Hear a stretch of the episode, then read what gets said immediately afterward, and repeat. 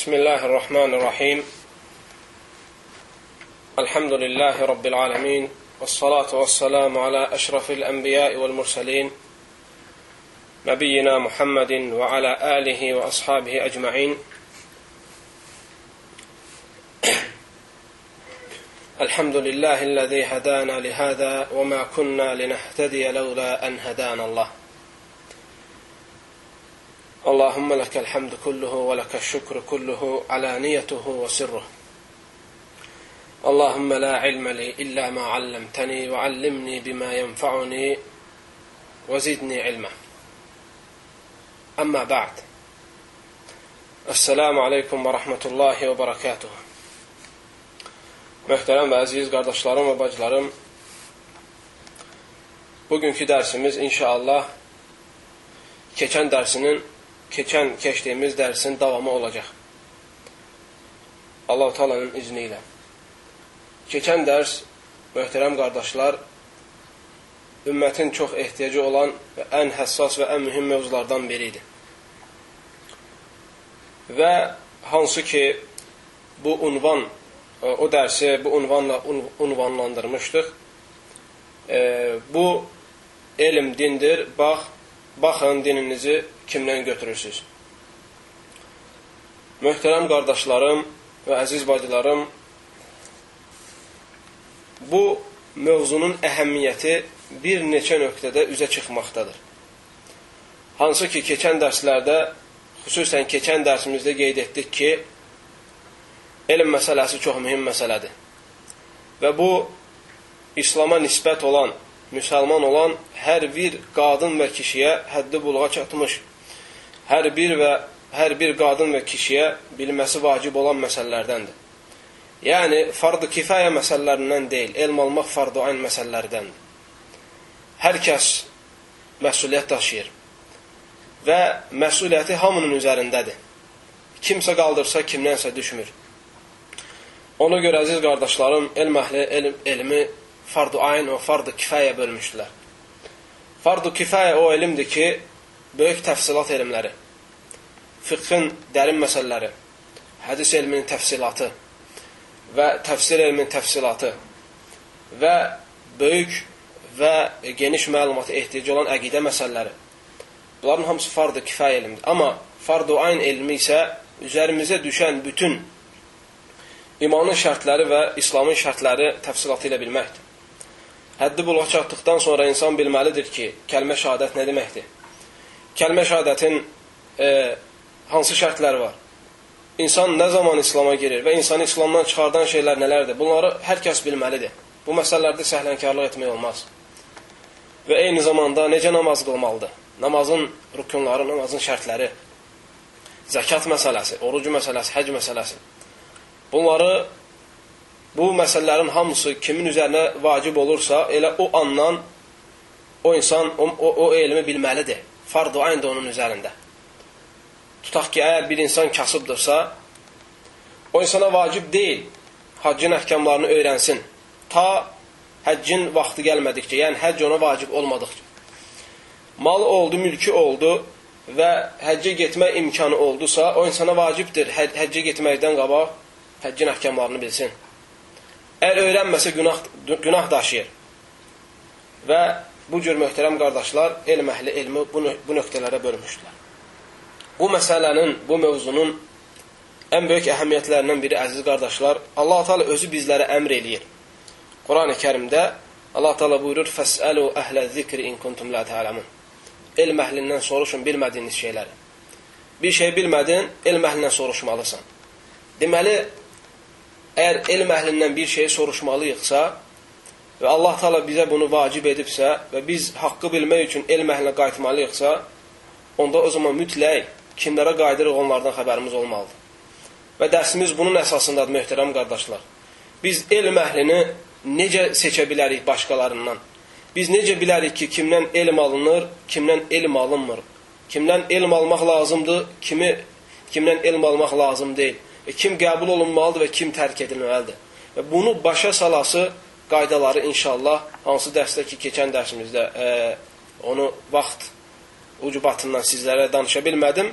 İndi o əsas mühüm məsələləri, qaydaları sizlərə deyəcəm ki, hətta bununla ayrı deyilə bilər ki, kimlərdən elm alınmalıdır və kimlərdən elm alınmamalıdır.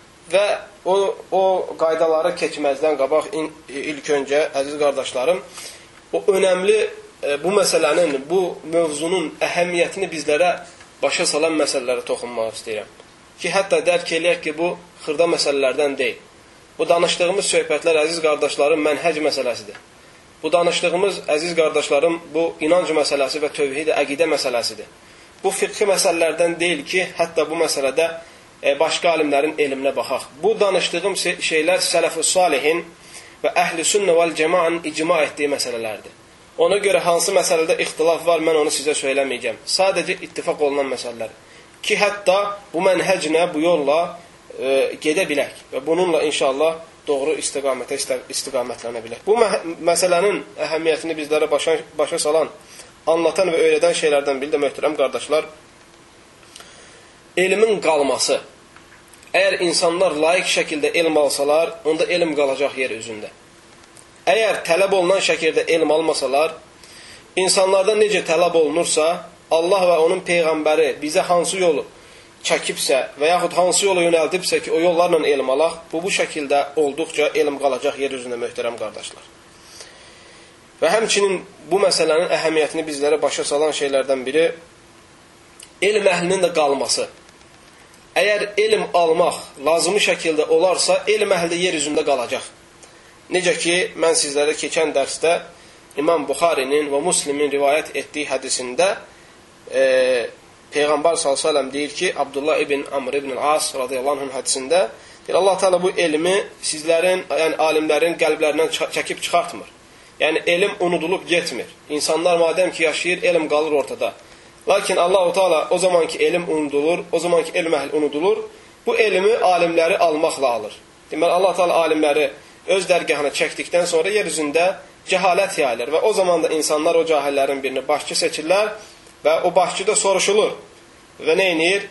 Həm özü zəlalətə gedir, həm də özü ilə bərabər cəmaati zəlalətə aparır. Bu, bu mövzunun əhəmiyyəti burada bilinir ki, möhtərəm qardaşlar, elm lazımi şəkildə tələb olunsa və elm elm əhlindən götürsə, onda o zaman elm əhli də yerdə qalacaq. Və elm əhlinin yerdə qalması yer üzündə sabitliyin və əmin amanlığın yayılması deməkdir. Yer üzündə Allahın rəhmətinin yayılması deməkdir. Və insanlar qəlblərində rahatlıq tap tapmaq deməkdir, tapması deməkdir, əziz qardaşlarım. Ona görə əgər elm əhli tərk olunsa, əgər elm əhli dura-dura başqaları ortada onların rolunu aparsa, onda o zaman qorxu, qorxu var ki, Allah Taala onları çəksin və ümmət o bəlaya düşər olsun. Və həmçinin əziz qardaşlarım, qısa şəkildə bu mövzunun əhəmiyyətini bildirən məsələlərdən e, biri də elm əhlinin aradan qalıqması ilə yer üzündə cəhalət çoxalır. Elm əhlinin qalıqması ilə yer üzündə cəhalət çoxalır. Necə ki, e, İmam Buxari və həmçinin İmam Muslim rahiməhumallah e, səhih kitablarında Əbu Hureyranın hədisində gətirirlər ki, Peyğəmbər sallallahu əleyhi və səlləm buyurur: "Yuqbadul ilm və yəzharul cehl vel fitan və yakthurul harac." Qila ya Rasulullah və mal harac? Qala hakaza bi yadihi faharrafaha ka'annahu yuridul qatl. Peyğəmbər sallallahu əleyhi və səlləm deyir ki, elm qaldırılacaq və yer üzündə cəhalət və fitnə fəsad çoxalacaq və hərac da çoxaracaq. Sahabələr soruşur ki, ya Rasulallah, hərac nədir? Peyğəmbər s.ə.v əli ilə işarət edir ki, ölüm. Ona görə əziz qardaşlar, bu hədisi bəzi elm əhli qiyamətin əlamətlərini göstərən hədislərdən hesab edib. Yer üzündə elmin azalması, elm əhlinin azalması, yer üzündə cahillərin və cəhalətin çoxalması, fitnələrin yayılması, və haqsız yerə qanun tökülməsi və qətl hadisəsi yer üzündə çoxalması. Əziz qardaşlar, Peyğəmbər sallallahu əleyhi və səlləm danışdığı nə varsa, hamısı vəhy vasitəsilədir. Allah Teala Zumar surəsində buyurur, əziz qardaşlarım, "Və ma yantiqu anil hawa in huwa illa vahyun yuha." Peyğəmbər sallallahu əleyhi və səlləm danışdığı şeylər ancaq ona nazil olan şeylərdir bizlərə öyrətdiyi şeylər, bizlərə xəbər verdiyi şeylər, istərsən öz dövründə, istərsən gələcəkdə və istərsə halal-haram məsələlər, bunların hamısı möhtərəm qardaşlarım vəhi vasitəsilə olur. Peyğəmbər s.ə.v baxın, gələcək haqqında bizlərə xəbər verib. Vəhi vasitəsilə ki, bu şeylər baş verdisə, onda o zaman qiyamət gününə demək ki, az qalıb. O da nədir əziz qardaşlar? Elmin azalması, elm əhlinin olmaması. Bu açıq-aşkar bugün buna müşahidə olma, oluruq hamımız. Heç kəs bunu inkar edə bilməz. Nə bilən, nə bilməyən. Nə İslamın dostu, nə də İslamın düşməni. Əziz qardaşlar, əgər biz tarixə qayıtsaq, bir 300, 400, 500 il bundan qabaq görərək, görərik ki, elm əhlinin adlarını yazan kitablar cildlərlədir. Yəni 5-6 cild e, kitab yazıblar. Sadəcə bu kitabların içində elm əhlinin adlarıdır. Filan oğlu filan, filan ildə yaşayıb, filan ildə vəfat eləyir. Filan oğlu filan 100 il ərzində yaşayan alimlərin adlarından 5-6 cild kitablar əmələ gəlir. Bu onu göstərir ki, möhtərəm qardaşlar, bugün yer üzündəki İslam alimlərini əgər biz yazası olsaq, bəlkə də onların adları bir, səhifəni, bir səhifədən o tərəfə keçməz. Bu açıq-aşkar bizə yer üzündə fitnənin, cəhalətin və zülmün çoxluğunun əlamətlərini, əlamətlərindən olduğunu göstərir. Və həmçinin əziz qardaşlar, yer üzündə alimlərin getməsi ilə növbətinə yaranır, cəhalət yaranır. Və cəhalət ucbatından nə yaranır? Fitnə, fəsad və haqsız yerə qan tökmək. Bunların hamısı əziz qardaşlar, insanlar alimlərdən üz çevirdiyi zaman baş verəcək. Və artıq bunun içindəyik biz bugün.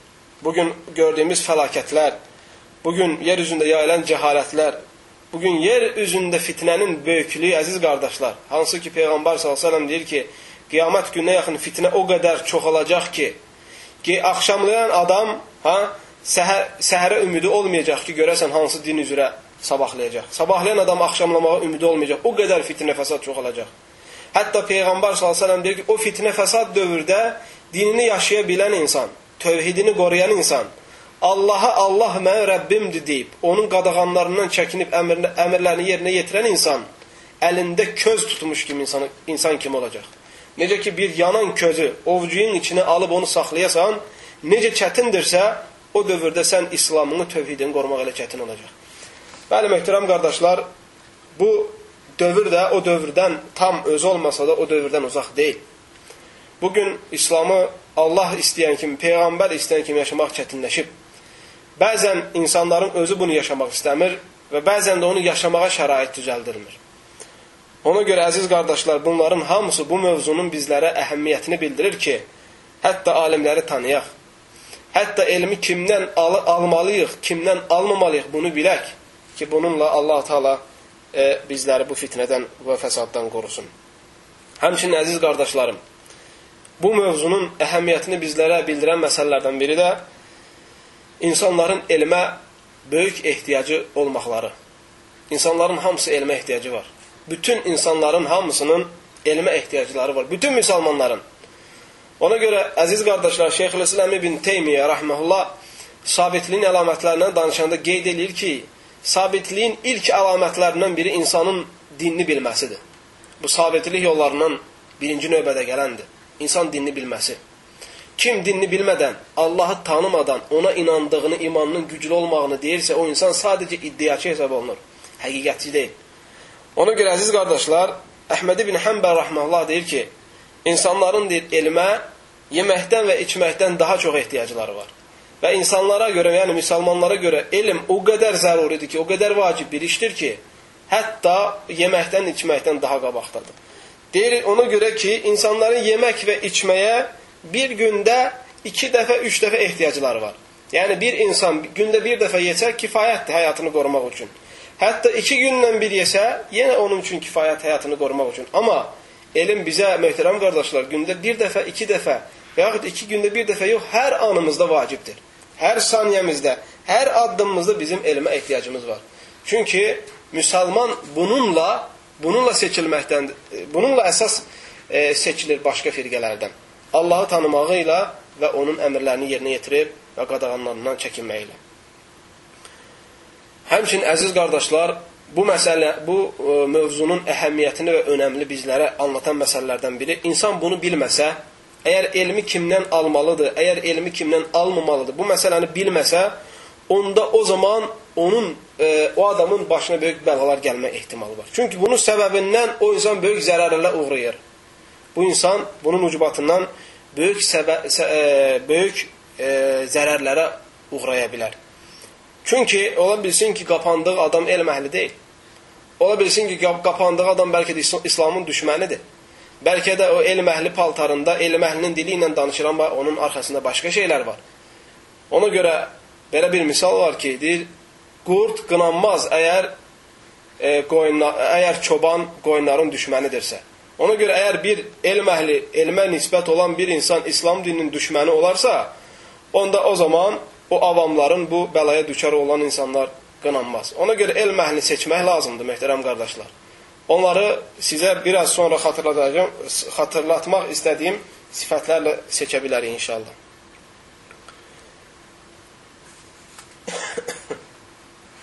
Əziz qardaşlar, Muhammed ibn Sirin Əl-Ansari rəhməhullah hansı ki onun sözü ilə bu dərs ünvanlaşdırmışıq. O da bu elm sənin dinindir. E, baxın dininizi kimdən götürürsünüz. Muhammed ibn Sirin rəhməhullah tabeinlərdən sayılır. Və tabeinlərin alimlərindən sayılır. Tabeinlərin möhtərəm qardaşlar ən şərəfli və ən xeyirli e, xeyirlərindən sayılır. Muhammed ibn Sirin rahmehullah hamınız bildiyiniz kimi 31-ci hicrətin 31-ci ildə dünyada dünyaya gəlib və hicri tarixlə 110-cu ildə vəfat eləyib. İbn Sirin rahmehullah elm əhli deyir ki, ən azı 30 dənə sahabi ilə görüşüb ən azı 30 dənə sahabədən elm alıb. İbn Sirin rahmeullah. Və xüsusən də özəl müəllimlərindən, özəl ustadlarından biri Ənəs ibn Malik və Əbu Hüreyrə radiyallahu anhum əcməin onlar sayılır. Bu əsər möhtərəm qardaşlar, hansı ki məşhurdur e, Muhammed ibn Sirin rahmehullahdan, e, hansı ki deyir ki, e, bu elm dindir, baxın dininizi kimdən götürürsünüz. Bu əsər möhtərəm qardaşlar, e, axtardım, gördüm ki, bu əsər bəzi rivayətləri Peyğəmbər s.ə.və nisbət olunur. Yəni, bu bir hədis kimi bunu rivayət eləyənlər var. Amma İbn, İbn Rəcəb rəhməhullah deyir ki, bu, bu hədis olaraq Peyğəmbər s.ə.və harada nisbət olunursa, bilmək lazımdır ki, heç bir yolu ilə bu necədir, e, sahih və sabit deyil. Deməli, Peyğəmbər s.ə.və hədis olaraq nisbət olunan bütün rivayətlərin hamısı zəifdir və hətta ya uydurma ya da nədir, qəbul olmayan dərəcəsindədir. Və həmçinin möhtərəm qardaşlar, bu bəzi bu əsər bəzi sahabelərə də nisbət olunub. Bəzi rivayətlərdə gəlir ki, güya bu ə, Əbu Hüreyrə radiyallahu anhın sözüdür. Bəzilərində gəlir Ənəs ibn Məlikin sözüdür, bəziləri deyir ki, Əli radiyallahu anhın sözüdür. Lakin İbn Rəcəb rahmehullah bu məsələnin təfsilatında deyir ki, səhih odur ki, bu İbn Sirin rahmehullahın sözüdür. Və Peyğəmbər sallallahu əleyhi nisbət olunan və sahabələrin bəzilərinə, hansı ki, biraz öncə adları keçdi, onlara nisbət olunan hamısı bu rivayətlərin hamısı zəifdir. Deməli, ona şək şübhə yoxdur ki, möhtərəm qardaşlar, İbn Sirin rəhməllah bunu elə özündən gətirib çıxartmayıb. İbn Sirin rəhməllah bunu dəlillər əsasına deyib. Bunu sahabələrin sələf-i salihin ağzından götürüb deyib. Deməli, ona görə elm, e, elmin e, qaydalarını qorumaq, qorumağa görə möhtərəm qardaşlar, hətta e, başqasının adı ilə nəsə ləkə, e, başqasının adı ilə nəsə olmayan bir şey danışmamağımıza görə ona görə e, dedim ki, səhih olan odur ki, bu rivayət e, İbn Sirindən rivayət olmuşdur. Buna oxşar əziz qardaşlar, həmçinin İmam Malik rəhməhullah da demişdi. İmam Malik rəhməhullah deyir ki, İttəqullah İttəqullah və anzur mimmən təxud hədə şən Deyir ki, Allahdan qoruq, bax ki, bu elmi kimdən qoruq, bu elmi kimdən götürürsən. Bu da onu göstərir ki, möhtərəm qardaşlar, sələf-ü salih daimə dinimiz və dünyamız üçün nə faydalı bir şey eşidərlərdirsə, onları miras kimi bir-birlərindən götürüb və növbəti özlərindən gələnlərə gözəl şəkildə əmanətlə çatdırmağa çalışırlardı. Əziz qardaşlar, e, keçən dərsdə sizlərə mən e, söylədiyim kimi ilk ilk sifət hansı ki alimi onunla tanımaq olur, hansı ki kimdə, yəni bizim bu dərsimiz bu dərsimiz və bundan öncəki bu dərsin əvvəli sayılan birinci dərs nə elmin fəziləti haqqında deyil möhtərəm qardaşlar, nə də elm əhlinin fəziləti haqqında deyil. Baxmayaraq ki, dərs əsnasında elmin fəzilətinə də toxunduq və elm əhlinin fəzilətinə də toxunduq. Əsas ətrafında fırlandığımız və toxunmaq istədiyimiz məsələlər əsas e, budur ki, e, hansı şeylərlə biz elm əhlini tanıya bilərik, hansı şeylərlə elm əhlini tanıya bilməzik. və yaxud hansı sifət sahibləri hesab olunur? Elm əhli və hansı sifət itirənlər elm əhli hesab olunmur? Bunun ətrafında toplanır. Keçən dərsdə bunlardan birincisini söylədik. O da odur ki, elm əhli mütləq kimdən elm almaq lazımdır? O insan mütləq təqva sifəti ilə vəsf olunmalıdır. Elm əhli, o elm aldığımız şəxs mütləq təqvası ilə, Allahdan olan qorxusu ilə tanınmış olmalıdır. Və bunu keçən dərsdə şərh elədik və üzərində qurulan bütün məsələləri də sizlərə Allah Taala'nın müvəffəqiyyəti ilə e, nə etdik, söylədik. Bu gün sizə ikinci məsələyə, ikinci qaydaya toxunacağıq. O da elm aldığımız bu şəxs və yaxud da bu e, elm haqqına malik olan bu şəxs mütləq bu sifətlə vəsflənməli. Hansı sifətdir o? O adam elmdə elmi elmdə qüvvətli olanlardan almalıdır. Elmi elmdə qüvvətli olanlardan almalıdır. Hansı alim ki biz ondan almalıyıq elmi, baxırıq o alimin həyatına və o insana özü yox, baxmalıyıq ki o elmi kimdən alıb. Və bu da mühüm məsələdir möhtərəm qardaşlar. Bunu da elm əhli deyir ki, hətta o kimdən elmi alırsan, onunla kifayətlənmirsən, hansı ki onun zatına, şəxsiyyətinə qayıdır. İlk dediyimiz məsələ taqva sifəti, xəşyə sifəti onun şəxsiyyətinə qayıdır. İkincisi isə onun şəxsiyyəti ilə əlaqəli olan məsələdə kifayətlənmirsən, əksinə baxırsan ikinci, ikinci tərəfə ki, o elmi kimdən alıb. Deməli, bir adam etibarlı olmaq üçün mütləq baxmaq lazımdır ki, o adam elmi etibarlı şəxslərdən almış olmalıdır. Əgər bir şəxsin elm ə, al, ə, bir şəxsin ə, elm aldığımız bir şəxsin şeyxi əgər kəzzəb kimi, yalancı kimi tanınmış olarsa və yaxud əhl-i sünnədən qeyri bir firqəyə nisbət olan bir şəxsiyyət kimi tanınmış olarsa və bidət əhlindən hesab olan bir şəxsiyyət kimi tanınmış olarsa, onda ona görə bu adam tərk olunmalıdır. Yəni bu adamla ehtiyat olunmalıdır və, və e, nə etməlidir? Diqqət yetirilməlidir. Ona görə ki, möhtərəm qardaşlar, mən sizə onu birazdan sonra xatırlatmağa çalışacağım ki, elm əhlindən, elm əhlindən dərs almağın, e, əstəğfurullah, bidət əhlindən elm almağın fəsadları haqqında sizlərə o, o məsələyə toxunanda bəzi bununla ilgili məsələləri inşallah xatırlatmağa çalışacağım. Deməli, mütləq elmə al, aldığımız adam elmi elmdə qüvvətli olan insanlardan almış olmalıdır. Ki, hətta bu insanın özünə güvən olsun. Çünki möhtərəm qardaşlar, e, fətva verən insan və elm əhlinin dili ilə danışan insanda mütləq qaydalar olmalıdır. Mütləq o insan hansı ki fətva dərəcəsinə çatır və insanların içində Allah belə deyir, Peyğəmbər belə deyib deyir, danışır və elm əhli kimi tanınır, mütləq o insanda açıq-aşqar bəlli qayda və mənhəc olmalıdır. O bilməlidir ki, o adam məsələ, məsələləri necə axtarmaq lazımdır, məsələlərə necə yanaşmaq lazımdır elm əhlinin sözlərini necə toplayıb və onun onların hansı daha dəlilə yaxındır, onu necə axtarmaq lazımdır. Və əgər bir, bir, bir adamda bu şeyləri üçün, e, yəni bu şeyləri demək üçün bir qayda, bir mənhəc olmazsa, onda o zaman o adam görərsən ki, çox məsələlərdə qatışdırır. Çünki bir qayda üzərinə deyil, elmini bir qayda, bir əsas üzərinə qurmayıb və ona görə. Deməli, bu məsələdə elm əhli deyir ki, mütləq o adam hansı ki, e, elmi elmdə qüvvətli olanlardan alır, mütləq onların ağzından almış hesab olunmalıdır. Mütləq ağızdan. Yəni ki, elm aldığın bir adam, o da elmi mütləq alimlərin ağzından götürülmüş olmalıdır. Amma bir insan tanınmış olmazsa elm əhlindən oturub durmağı, alimlərlə ünsiyyəti, ancaq bilinərsə ki, o adam kitablara qapanıb oxunur, bu adam əsasən, yəni ki, nə dərəcə çatır çatsın, elm əhlindən hesab etmək bunu çətindir. Çünki, möhtərəm qardaşlar, sələf-ü salihin metodu idi bu, elmi ağızdan almaq elmi ağızdan almaq. Ona görə Peyğəmbər s.ə.v-in ilk, dö ilk dönəmində hədisi yazmağı qadağan elədi Peyğəmbər s.ə.v. Sahabələr hədisi yazmırdı. Ona görə ki, hətta vəhiy qarışmasın deyə və hətta insanlarda səhlənkarlıq əmələ gəlməsin deyə. Ona görə Peyğəmbər s.ə.v-in ağzından götürür sahabələr Quranı. Peyğəmbər s.ə.v şəriət ağzından götürürlərdi birbaşa yazmadan. Və nəhayət ki, bu bundan əmin olundu və sahabələrin sahabələrdən, yəni ki, bu şübhə qalıqdı ki, onlar, yəni ki, Əlhamdülillah o dərəcə çatdılar, o səviyyə çatdılar və sonra Peyğəmbər s.ə.v onlara izin verdi ki, sünnələri, sünnələri və yaxud ayətləri yazsınlar.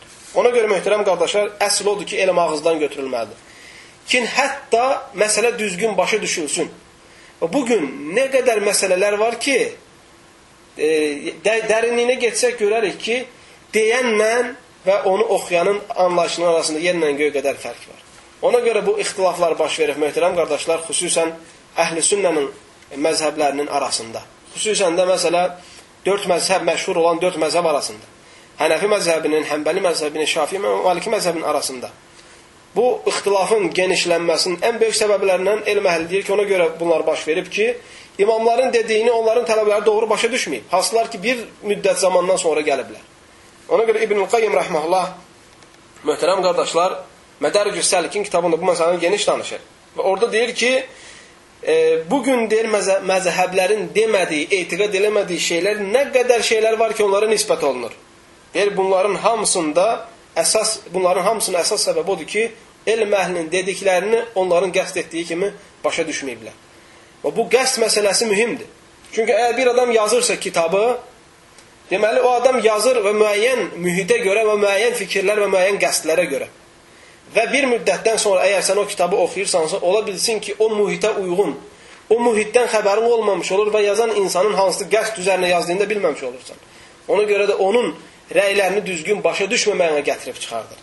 Ona görə sələf-i salih metodu idi ki, bu elmi ağızdan ağza alsınlar. Elmi ağızdan ağza alsınlar. Bu əslində möhtərəm qardaşlar, tə təbii ki, imkan daxilində. Yəni səs vasitəsilə. Yəni elmin əsas metodu nədir? Səs vasitəsilə.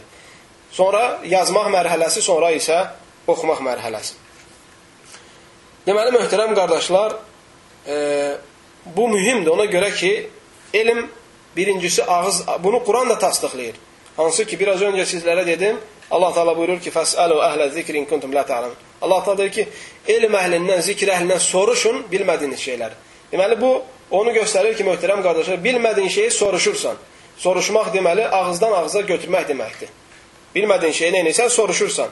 Deməli ortada soruşan var və soruşulan və fətva var. Deməli bunun hamısı bu ayət də onu göstərir ki, elmdə əsas metod ağızdan ağza almaqdır. Sələf-ü salihin əziz qardaşlarım, Peyğəmbər s.ə.v-in dövründən bugünkü günə kimi həyatını biz izləsək gözəl şəkildə görərik ki, heç bir dənə alim yoxdur ki, əhl-i sünnəyə nisbət olsun və o ancaq elmi əsasən ağızdan almış olmasın. Hamısı möhtərəm qardaşlar. Bütün alimlər. Baxarıq ki, bir-birlərinin tələbəsidirlər, bir-birlərinin dizinin dibində oturub onlardan İslami kitabların şərhini eşidiblər. O öz şeyxindən, o öz şeyxindən, o öz şeyxindən. Amma şeyxlərə yanaşmadan, onlarla ünsiyyətdə olmadan birbaşa kitab, kitaba, kitaba qapa, qapanan belə bir alim, əlhamdülillah, e, sələf-ü salihin həyatında yazılmamışdır. Əziz qardaşlar, elmi ağızdan almaq çox mühüm məsələdir. Əgər kitaba qalınsa və insan ehtimal var ki, zəlalətə getsin və əsas qəsdi və məqsədi başa düşmədiyinə görə. Bu iki şeylə ola bilər. Birincisi, həmən öyrənən insanın elminin zəifliyinə görə və ondakı dərrakəliyin və müdrikliyin e, zəifliyinə görə, hansı ki, onun səviyyəsi yoxdur əslində o deyilən şeyi başa düşsünlər. Ona görə Şeyxülislam İbn Teymiyyənin kitablarını çox insanlar başa düşmür. Şeyxülislam İbn Teymiyyənin fətvalarını oxuyan, xüsusən də toplanmış fətvalarını, yəni kiçik tələbələr oxuyub başa düşmür. Nəyə görə möhtərəm qardaşlar? Çünki o, o danışdığı səviyyədə deyil onların ağlı. Ona görə bunu dərk edə bilmirlər. Xüsusən də e, cəhmiyyələrə və mu'təzilələrə rədd olan məsələlərdə. Xüsusən də bu məsələləri. Və həmçinin Minhəcü Sünnə kitabını, hansı ki, rafizlərə rədd, rədd üçün, e, yəni ki, o kitabı özəlləşdirib və xüsusiləşdirib. Bunu da çox adam görürsən, başa düşmür. Nəyə görə? Çünki Şeyxülislam İbn Teymiyyənin danışığına onun səviyyəsi çatmadığına görə.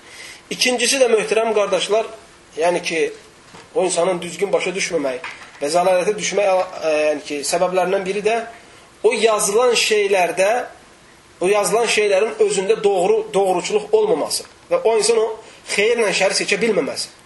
Ola bilsin ki, var, dərrakəli və hafizəsi və elmi var, amma o yazılan məsələdə haqq olduğunu, batil olduğunu bilə bilmir. Deməli, ehtimal var ki, bu o quyun, quyunun içinə, o batağanlığın içinə düşsün. Ona görə əgər elm ağızdan alınsa, elm əhlinin qılçasının dibində oturub öyrənilsə, onda o zaman bu iki problemlə, bu iki sürüşkənlikdən insan canını qutarmış olur. Çünki həm o, o e, elmi, o danışan, yazan insanın qəsd etdiyi kimi başa düşmüş olar, həm də içindəki xatanı, yəni ki, alimin dilindən gözəl şəkildə eşitmiş olar. Bunu dəstəkləyən möhtərəm qardaşlar, hədis var. İmam-ı Dərmi rəhməhullah, İmam-ı Dərmi rəhməhullah Sunən kitabında Əbi Umamə radiyallahu anhu da rivayət edir. Deyir, Peyğəmbər s.ə.v belə dedi. Xudul ilmə qablə ən yədhəb. Qalu və keyfə yədhəbul ilmu yə nəbiyyəllah və finə kitabullah. Qalə fəqadibə ثم قال ثكلتكم أمهاتكم أولم تكن التوراة والإنجيل في بني إسرائيل فلم يغني عنهم شيئا إن ذهاب العلم أن يذهب حملته إن ذهاب العلم أن يذهب حملته Bu hadisdə möhtərəm qardaşlar, Əbi Umamə radiyallahu anh deyir ki, Peyğəmbər s.ə.v belə dedi. Elmi getməzdən qabaq götürün. Elmi getməzdən qabaq götürün. Diqqət etirin möhtərəm qardaşlar. Və bu ən böyük dəlillərdəndir ki, elm əsl odur ki, ağızdan götürülməlidir. Elm əhlinin ağzından götürülməlidir. Kitabın yazdığı kitabdan qabaq. Soruşdular ki, ya Rasulallah, necə gedə bilər elm, kitab bizim əlimizdə deyilmi? Yəni, Allahın göndərdiyi şəriət Quran-ı kərim əlimizdə deyilmi? Elm necə gedə bilər? Və qiyamət gününə kimi biz bilirik ki, Quran-ı kərim əlimizdə olacaq. Müsəlmanların arasında olacaq Quran-ı kərim. Və qiyamət gününə yaxın Allah Taala çəkəcək Quran-ı Kərimi göyə. Və insanlar açacaqlar kitabı, içində nə ayət, nə də hərf olmayacaq.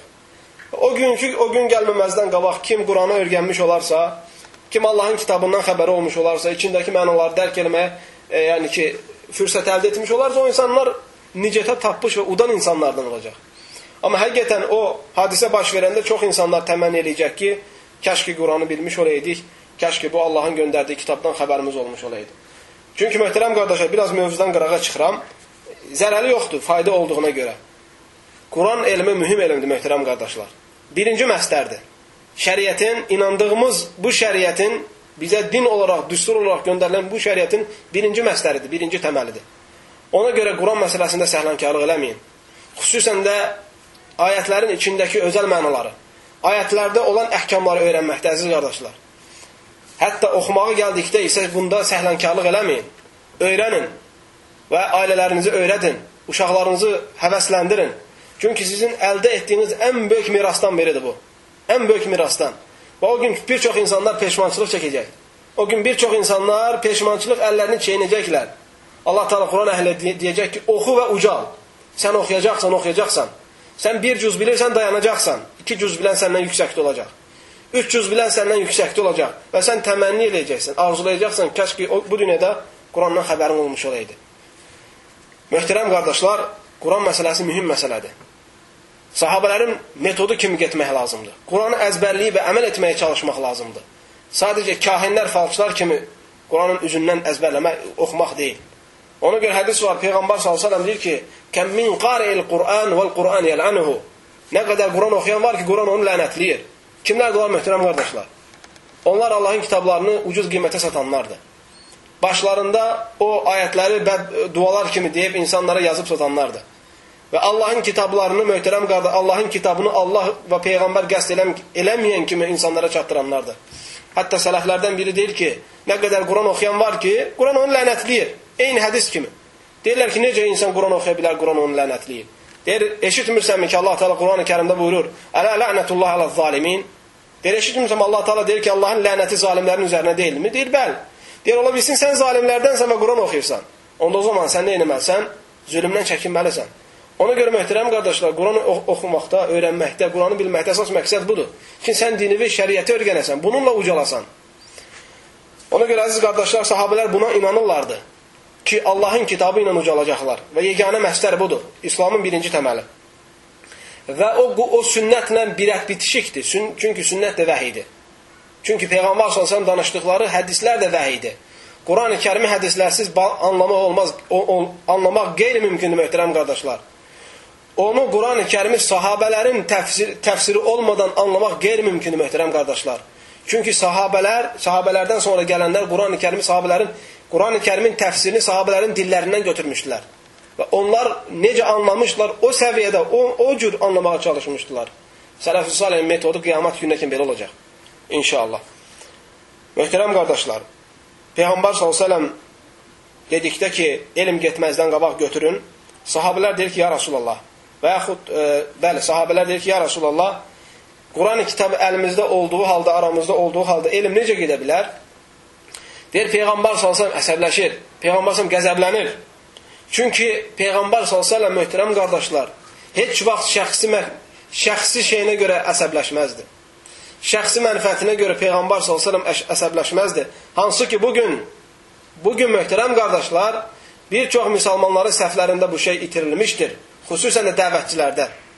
Din tapdalanır, ayaq altında qalır, qəlbləri soyuq şəkildə otururlar. Allahın dini tapdalanır, Quran-ı Kərim aralarda qalır, Quran-ı Kərimdən hamı üz çevirib, qəlbləri soyuq otururlar. Amma şəxsi mənfəətinə bir adam toxunduqda qiyaməti qaldırmağa hazır olur. Yerlə göyə qatışdırır. Amma Peyğəmbər səsən belə olmazdı. Şəxsiyyətinə olunan hər şeydə səbir və təhəmmül göstərərdi.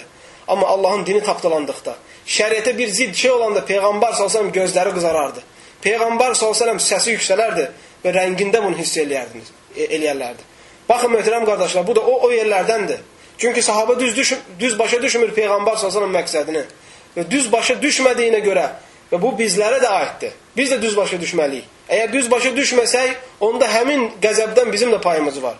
Deyir Peyğəmbər sallallahu qəzəblənir və deyir ki: "Səkilatkum ummahatukum əvələm təkunit-Təvratu vel-İncilu fi bani İsrail fələm yughniya anhum şey'an." Deyir ki, sizin e, yəni ki, bu səkilatkum ummahatukum ərəb misalıdır. Elə bil ki, ananız sizi itirsin mənasındadır. Elə bil ki, sizi öləsiniz mənasındadır. Qınamaq, qınamaq kəlməsidir bu. Deyir ki, Tövrat və İncil Bəni İsrailin arasında deyil idimi? Hansı ki, onlara heç fayda vermədi. Bəli, möhtərəm qardaşlar. Tövrat və İncil Bəni İsraildə idi. Yahudilərə gəlmişdi. Həm Tövrat, həm İncil. Tövrat Musa peyğəmbərə, İncil isə İsa peyğəmbərə. Hər ikisi də Bəni İsrailin peyğəmbərləri idi. Peyğəmbər sallallahu deyir, onların əlində deyil idim, amma onlara fayda vermədi. Necə fayda vermədi? Onlar ki, peyğəmbərlər vəfat etdilər və peyğəmbərlərin davamçıları bu Tövratı insanları başa salanlar aradan qalıqdı. Allaha qovuşdular, onda o zaman ortalarında parçalanmaq və fəsad din girdi. Onda o zaman onlara fayda vermədi. Çünki onlar onun əhkamlarını, hədd hududlarını qorumadı. Bəli, bu da iki şeylə ola bilər. Ya nassını, ya gələn cümlələri dəyişdirməklə, yerinə başqa mənalar salmaqla, ya da onu insanların ağılına uyğun və özlərinə sərf eləyən şəkildə neynəməklə? Yozmaqla. Elhamdülillah.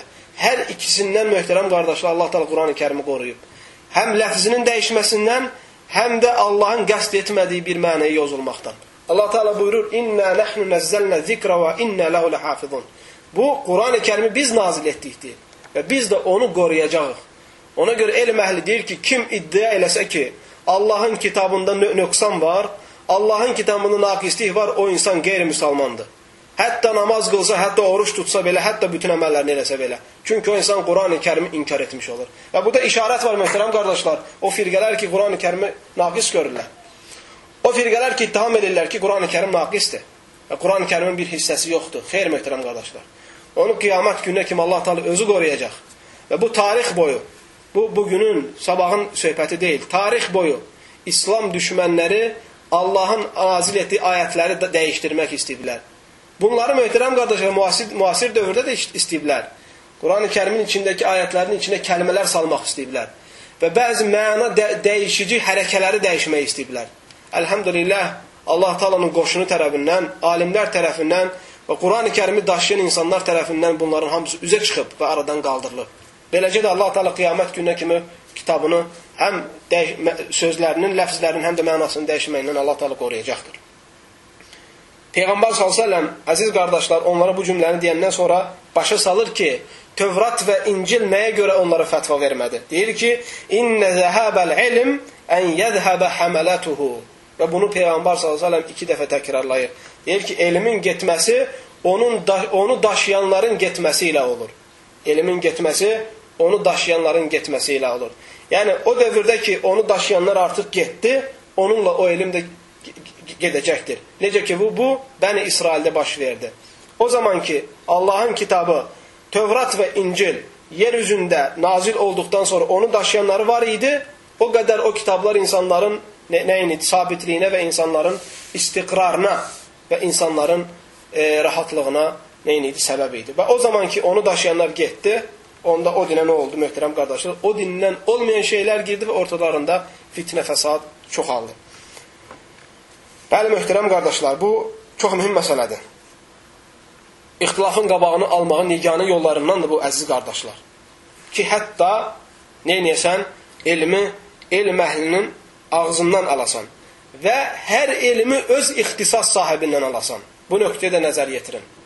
Sən gedib təfsir üzrə ixtisas olan adamı adamdan, ha? Tə təfsir üzrə ixtisası olan adamdan gedib fiqhi məsələləri soruşma ilə. Və yaxud fiqh, üzrə ixtisası olan adamdan gedib nəh və sərf elmi haqqında soruşma ilə. Və yaxud da bir adamın ixtisası, əsas ixtisası onun əqidə məsələləridirsə, təbii ki, bir adamda bunların hamısı cəm ola bilər. Həm təfsirdən bilir, həm lüğətdən bilir, həm fiqhdən bilir, həm də e, başqa elmlərdən. Bunları cəm etmiş alimlər, hansı ki, onlara biz müctəhidlər deyilik, zərəli yoxdur, gedib onlardan hamısını soruşursan. Amma bir adam bunu cəm etməyibsə və müəyyən ixtisas üzrədirsə, onda mütləq sənə vacibdir ki, o adamdan həmin mütəxəssis və ixtisası olduğu şeylərdən alasan elmi sadəcə. Başqalarını buraxasan başqalarını. Bu barədə möhtərəm qardaşlar İmam Şevkani gözəl söz deyir.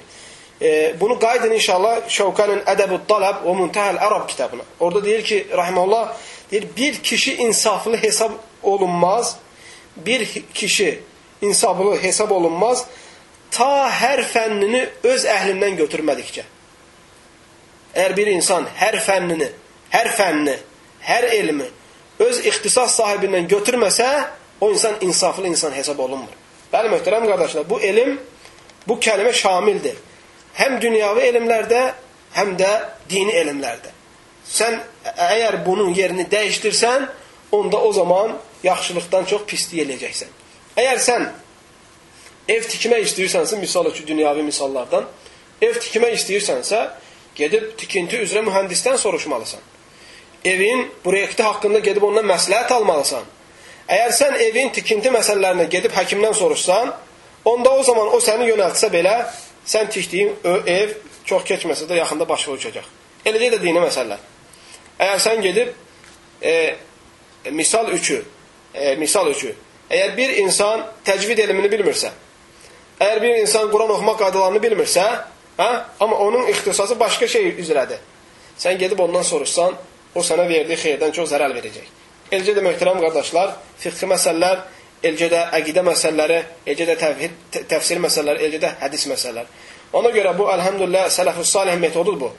Baxın, bugün müasir dövrdə də bu aydındır. Məsələ, elm əhlinəyə görə, elm tələbələri bugün əqidə məsələlərində nəyə görə İbn Bazın kitablarına qaydırlar? Çünki Şeyx İbn Baz məşhur idi əqidə məsələləri ilə. Fiqhi məsələlərdə daha çox, məsələ Şeyx İbn Ötheyminə nəyə görə qaydırlar? Çünki müasir dövrdə Şeyx İbn Ötheymin kimsi tanınmadı fiqhi məsələlərdə.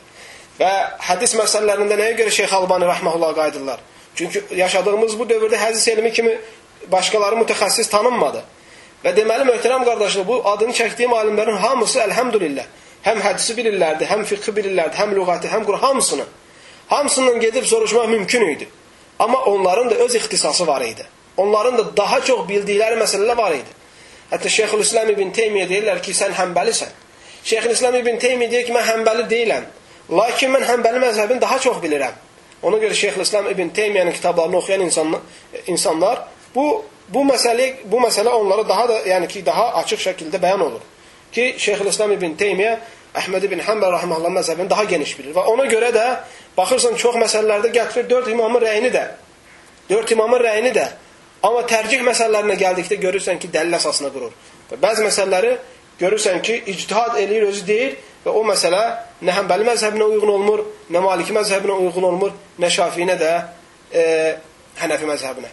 Və burada onu göstərir ki, elm əhli E, bir məsələni çox bilirlərsə, onunla ixtisas, yəni ki, ixtisaslanırlardı. Demək olurdu ki, məsələ, məsələn, Şeyx İbn Ötheymin rahimehullah bəzi kitablarında deyir ki, necə ki, e, həmbəlilərdə belədir. Çünki Şeyx İbn Ötheymin həmbəli məzhəbini Şafi məzhəbindən daha geniş bilirdi. Amma o məzhəblərdən də xəbəri var idi. Amma həmbəli məzhəbində olduğu qədər deyil idi. Deməli, möhtərəm qardaşlar, sözün qıssası oradan e, bu nöqtəyə qayıdır ki, insan elm aldıqda, deməli, bayaqki sifət əsasında hansı ki dedik ki, elmi ev, elmdə qüvvətli olan şəxsdən almalıdır və bu ixtisas məsələsinə də qayıdır. Aydındır möhtərəm qardaşlar. Bu, bu, bu ixtisas məsələsinə də qayıdır. Deməli, sən hansı üzrə elm almaq istəyirsən, onu o ixtisas məsələsində bax ki, nə sadəcə. Və əziz qardaşlar, əgər belə olsa, onda o zaman nə olar? İxtilaf azalar. Çünki sən Yəni insanlar bu bu yaşadığımız dövrdə zəiflik möhtərəm qardaşlar. Bilmədikləri şey haqqında susanlar zəiflik. Xüsusən də görürsən ki, biraz bir-iki kitab oxumuş adamlar maşallah, maşallah, tabarakallah. Heç bir problem yoxdur. Nədən soruşsan cavab hazırdır. Heç bir problem yoxdur. Hər şey yerindədir. Və e, bu möhtərəm qardaşlar bu zamanda daha da çox çoxalır. Və insanlarda bilmirəm sözünü demək üzə ayıq dərəcəsinə çatır. Yəni bir adam gedib bir yerdə institut qutarıbsa, bir kitab, bir, bir, kitab, iki kitab oxuyub və yaxud nəsə yazdığı, pozduğu şeylər varsa, bilmirəm demək özünə ayıb bilir. Hansı ki, elm əhli bununla şərəf duyarlar möhtərəm qardaşlar. Elm əhlinin bu özəl sifətlərindən bilmədiyim şeylərə bilmirəm demək. Necə ki, Əli radiyallahu anh deyir ki, alimlər deyir, bilmədiyi şeyləri bilmirəm deyərlər. Və bu, bunu heç vaxt ayıb görməzlərdir. Deməli, əgər biz ixtisas elmi ixtisas sahibindən götürməsək, onda ehtimal var ki, o insan bilmədiyi şeyi desin. Və bununla nə olur? İxtilaf qalxır. Və xilaf qalxır, ortada parçalanma əmələ gəlir. Ona görə bəzi elm əhli deyir ki, bilmə, bilməyən insan əgər sussa, onda o zaman ixtilaf azalar. Deməli, bilməyənlərin danışdığına görədir bu qədər bugünkü gündə ixtilaf. Bilməyənlərin danışdığına görədir möhtərəm qardaşlar. Və həmçinin elm əhli möhtərəm qardaşlar, elm əhlinin ən özəl sifətlərindən bir şey əgər bilməsələr, onlar heç utanmadan deyərlər ki, bilmirəm. Hamınız bilirsiniz İmam Malik rəhməhullahın e, hekayəsini. İmam Malik rəhməhullah möhtərəm qardaşlar, dörd məzhəbin içində, ən, yəni ki, dörd məzhəbin içində sayğı ilə qəbul olunan imamlardandır. İmam Malik rəhməhullah. İmam Malik rəhməhullahın ən özəl tələblərindən biri İmam Şafii. Və bunu əlhamdülillah hər kəs orada bilir. Və bu imamların, əziz qardaşların bir-birindən böyük irtibatları olub. Və bir-birinlə böyük ünsiyyətləri olub. Məsələ, baxın İmam Abu Hanifəyə hamısı təx təxminən yaxın əsrlərdə yaşayıb. İmam Abu Hanifə nə zaman anadan olub? Hicri tarixlə 80-ci ildə vəfat eləyib 150-ci ildə. Və 70 yaş yaşayıb rahmanullah. Və eyni dövrdə, eyni ildə İmam Şafi dünyaya gəlib. 150-ci ildə İmam Şafi dünyaya gəlir və 204-cü ildə vəfat eləyir. Və e, təxminən 54 yaşı yaşamış olur rahmanullah. Və eyni zamanda möhtərəm qardaşlar, baxın İmam Malik rahmeullah. İmam Malik nə zaman ondan olub? 93-cü ildə 93-cü ildə e, Hicri tarixi ilə nə zaman vəfat eləyib? 179-cu ildə vəfat eləyib. Təxminən e, hardasa 89 yaşı yaşayıb İmam Malik rahmeullah və imamların içində ən çox yaşayandır. Və Əhməd ibn Həmbər rahmeullah 1400 1000 164-cü ildə dünyaya gəlib və 241-ci ildə vəfat eləyib. O da təxminən 77 yaşı yaşamış olur. Bu bu e, doğum və vəfat tarixinə baxsaq görərik ki, hamısı yaxın yaşayıblar bir-birinə. Ona görə baxar baxsaq görərik ki, İmam Şafi İmam Əhməd ibn Həmbəldən elm alıb, İmam Əhməd ibn Həmbəl də İmam Şafidən elm alıb. Və həmçinin İmam Şafinin ən böyük şeyxlərindən biri İmam Abu Hanifənin tələbəsi Əbu Yusuf və Muhammed ibn Zufar. Və eləcə də İmam Şafinin ən böyük şeyxlərindən biri İmam Malik rahmehullah. Hansı ki Məkkədən Mədinəyə gəlir və 8 günün içində İmam Malikin 30 mindən çox hədis e, içində olan kitabı 8 gündə əzbərləyib qayıdır. İmam Şəfi rəhməllah. Ona görə möhtərəm qardaşlar, bu dörd məzhəbin dördü əlhamdülillah haqqa çağıran məzhəblərdəndir. Və bu məzhəblərin içində imamlardan, hamısı tərəfindən qəbul olunan imamlardan biri İmam Malik rəhməllah. Hansı ki, bir nəfər İraqdan səfərə çıxır Mədinəyə. Baxın, möhtərəm qardaşlar, İraqdan Mədinəyə gəlmək üçün minikdə bir ay vaxt lazımdır. Bir adam İraqdan çıxıb Mədinəyə gəlməsi üçün bir ay gərək səfərə çıxar. Və İraq əhlində problemlər çıxır və cavab tapılmayan suallar çıxır. Və fikrə gəlirlər, qərara gəlirlər ki, bunu Mədinənin imamı olan İmam Malikə yazaq göndərək, bəlkə o neyniyir, buna cavab tapır. Çünki o sahabələrin məskənində yaşayır və sahabələrin tabinləri arasında yaşayır və bu məsələdə ehtimal var ki, onda bu məsələlərə cavab olsun. Və elçi göndərirlər. 40 dənə, başqa bir rivayətdə 50 dənə, yəni ki, götürək böyük çoxlu miqdarda sual göndərirlər. Tutaq 40 dənəsini. Gəlirlər İmam Malikin yanına, bir ay məsafədən sonra gəlib çatır. İmam Malikdən izin istəyir və İmam Malik də ona izin verir. Ki, hətta bu suallara cavab vermək üçün neynəsin? E, vaxt ayırsın. Hətta münasibətə görə möhtərəm qardaşlar xatırladıram. Çünki Belə məsələlərin üstündən keçmək istəmirəm, imamlarımızın dəyərini, qiymətlərini bilməliyik. Bizim üçün, bizlər üçün, bizlər bunu bil bilsin deyə gecələrini günüzlərinə qatan insanların dəyərini, qiymətini bilməliyik, möhtərəm qardaşlar. İmam Malik rəhməllah deyir, bir adam onu gəlib çağıranda soruşardı ki, mənim nə edirsən? Əgər desək ki, deyir, hədis səndən, yəni hədis tələb eləyəcəm, hədis eşitmək istəyirəm, deyir, İmam Malik dəstəmaz alardı, ətirlənərdi, elə gələrdi. Deyərdi ki, mən Peyğəmbər s.ə.v hədisini dəstəmaz almadan, ətirlənmədən danışmağa ürəyim gəlmir. Əgər desə ki, fətva istəyirəm, onda gələrdi, fətva verərdi. Onlar sünnəti bu qədər qiymətə qoyarlardı. Nəysə, gəlir bu adam, İmam Malikin qabağında oturur, 40 dənə sualı oxuyur. Və İmam Malik bu 40 dənə sualın içində möhtərəm qardaşlar, 4 dənə suala və 5 dənə suala cavab verir. Və o gələn elçi deyir ki, ey imam, e, tamam, sən 4 dənə, 5 dənə sual cavablandırdın, Allah razı olsun. Deyir, bəs başqa sualları neynəyək? Deyir, bilmirəm. Deyir, yaxşı, mən bildim ki, bilmirsən. Bəs İraq əhlinə nə deyim, mən gedim. Deyir, get İraq əhlinə deyinən ki, İmam Malikdən soruşdum. İmam Malik dedi ki, bilmirəm. Baxın, möhtərəm qardaşlar, elm əhlinin sifəti necə olub? Deyir, get deyinən, İmam Malik deyir ki, bilmirəm. Amma təəssüflər olsun ki, bizi kim balacalar bugünkü gündə ayıb bilir özünə ki, bilmirəm desin. Ayıb çox çətin şeydir. Allah qorusun. Bəlkə də bugün qarşımıza 40 sual çıxsa, biz ona 70 dənə cavab verəcəyik. 70 dənə cavab. Və bununda da çox özümüzdə fəxr hiss edəcək. Allah qorusun möhtərəm qardaşlar, qürurdan və riyakarlıqdan. Bunların hamısı, əziz qardaşlar, sələf-ü salihin mənhəcini bildirir elm tələb eləməkdir. Üçüncü sifət isə hansı ki, elm aldığımız insanlarda ə, e, olmalıdır və yaxud elm əhlinin ə, e, şəxsiyyətini bildirən üçüncü qayda isə elm aldığımız insan və yaxud alim və yaxud o elm əhli ha, icazəli məsələləri izləyən insanlardan olmamalıdır. İcazəli məsələləri izləyən insanlardan olmamalıdır və yaxud da səhlə, fətvada səhlənkar insanlardan olmamalıdır. Bunu diqqət yetirin möhtərəm qardaşlar.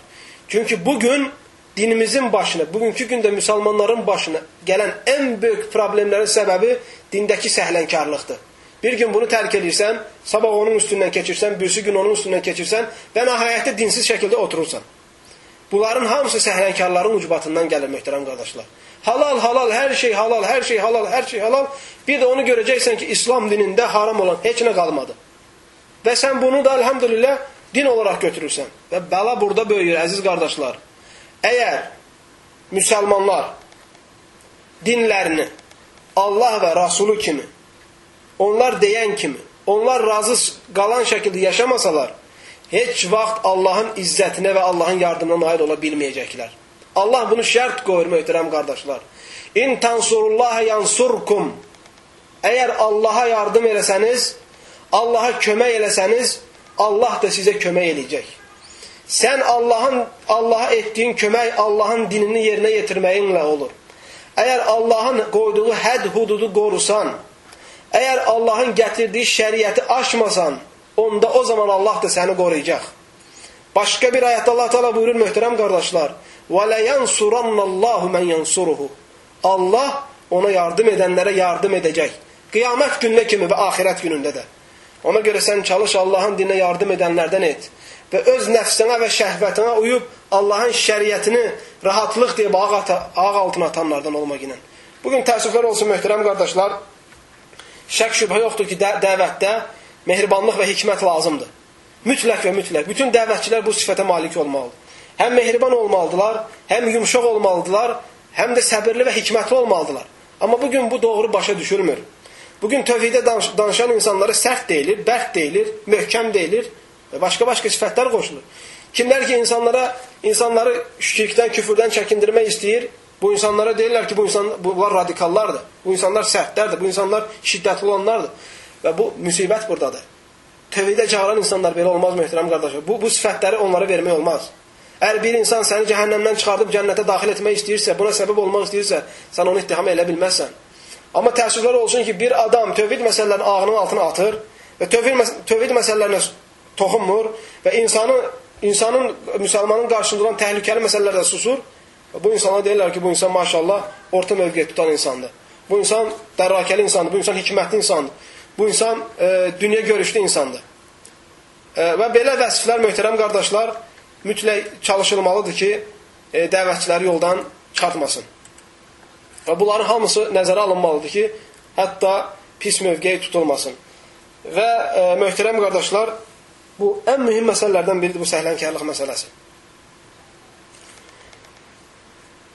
E, Bugün baxırsan ki, səhlənkar insanlar hətta sözləri keçsin deyə, hətta insanlar arasında, bütün insanlar arasında qəbul olsun deyə parıltı adlarla meydana çıxırlar. O da nədir? İslam fiqhi inkişafı. Deyir ki, biz İslam fiqhinin inkişafı, inkişafını təmin edənlərik. Yəni elə bir ki, İslam fiqhi keçmiş dövrlərdə inkişaf eləməyib, yatıbdır İslam dini, indi onlar oyatırlar.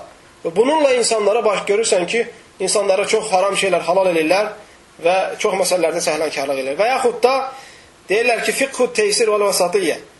E, mütədillik və asanlandırma, asan, asanlandır, nə deyirlər ona?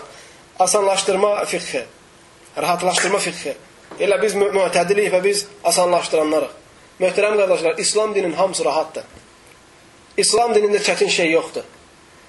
Allah Teala insanlara daşımayan, bacarmadıkları yükü yükləmir.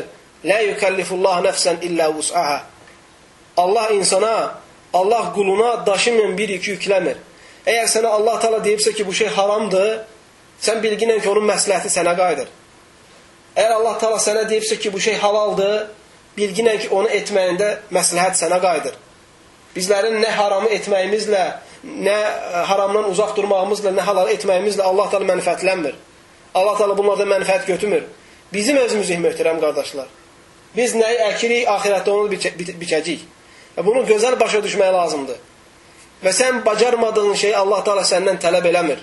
Və sən onu bilməlisən ki, bir müsəlman kimi dinində nə varsa sən onu etməyə qadirsən. Və bacarmadığın şeyi Allah Teala səni hesaba çəkməyəcək qiyamət günü. Ona görə bu par parıltıcı adlarla aldanmamaq lazımdır. Bir adam meydana çıxarsa ki, bu insan maşallah sələfi mənhəci tutub, bu insan orta mövqeyi tutub, bu insan sərt deyil, bu insan radikallara qarşıdır və s. Bu, bu adlar bizi aldatmamalıdır. Və ibrət danışılan şeydə insan əməl e, e, hikm şey e, hikmət, etibar və önəmli olan insanların danışdığında və etdiklərindədir. O adlarla adlanmaqda deyil. Və iddia ilə həqiqətdə möhtərəm qardaşlar fərq var. Heç kəs meydana çıxıb demir, mən zalalət əhliyəm, qulaq asın. Heç kəs meydana çıxıb demir ki, mən cəhənnəm əhliyəm, qulaq asın. Hər kəs deyir ki, mənəm sələfi. Hər kəs deyir ki, mənəm sıratul müstaqim yolunda olan. Hər kəs deyir ki, mənəm haqq üzrə olan. Qalan insanlar zəhalarət əhlidir. Ona görə əziz qardaşlar, bu məsələ bizə e, bu, bu danışdığımız söhbətin əhəmiyyətini göstərir. Ki, bugün adlara baxmamaq lazımdır. İnsanlar nə ilə iddia edir, ona baxma, həqiqətə bax ki, Bu dediyimi qaydalara bax ki, ki, hətta bu məsələ sənə gizli qalmaya. Deməli, üçüncü sifət nə idi? Elm aldığımız adam baxmalıyıq ki, səhlənkarlardan olmamalıdır fətva məsələsində. Əgər səhlənkardırsa, o adamda haram şey yoxdursa və yaxud da bunun əksi çox sərt olmamalıdır. Hətta o dərəcədə ki, halal şey haram desin. Və bugün təəssüflər olsun əziz qardaşlarım, bəzi fətvalar eşdirik. Elmə nisbət olan adamlardan və o fətvalardan elm əhli gülməzdən qabaq o, o fətvalardan elə cahillər gülür. Elə bu cahillər gülüncə salır bu, bu fətvaları. Bugün əziz qardaşlar eşidirik ki, bəziləri icazə verir ki, qadın sakinlaşa bilər. Nə bahanəsi ilə? Bahanəsi ilə ki, filan alim görür. Bəzi elm əhli var, elmə nisbət olanlar var bugün. Televizora çıxırlar, internetə, internetdə saytləri var və s. kimi. Danışırlar. Soruşulanda deyir ki, problem deyil, qadın başını açıb oxuya bilər. Qadın hicabı soyuna bilər, qadın saçınlaşa bilər. Nəyə görə, nəyə görə? Kimisə eşidib ki, elm əhlindən icazə verir qadın saçınlaşmağa. Və bunu bahanə gətirir. Bu səhlənkarlıqdır, möhtərəm qardaşlar. Başqa bir fətvə eşidirsən ki, deyir ki, qadın hicabı soyuna bilər. Nəyə görə, nəyə görə? Çünki müsəlmanlara olan basqınlara və, və e, müsəlmanlara olan müsəlmanlara e, olan sıxıntılara görə. Bu bəhanə deyil.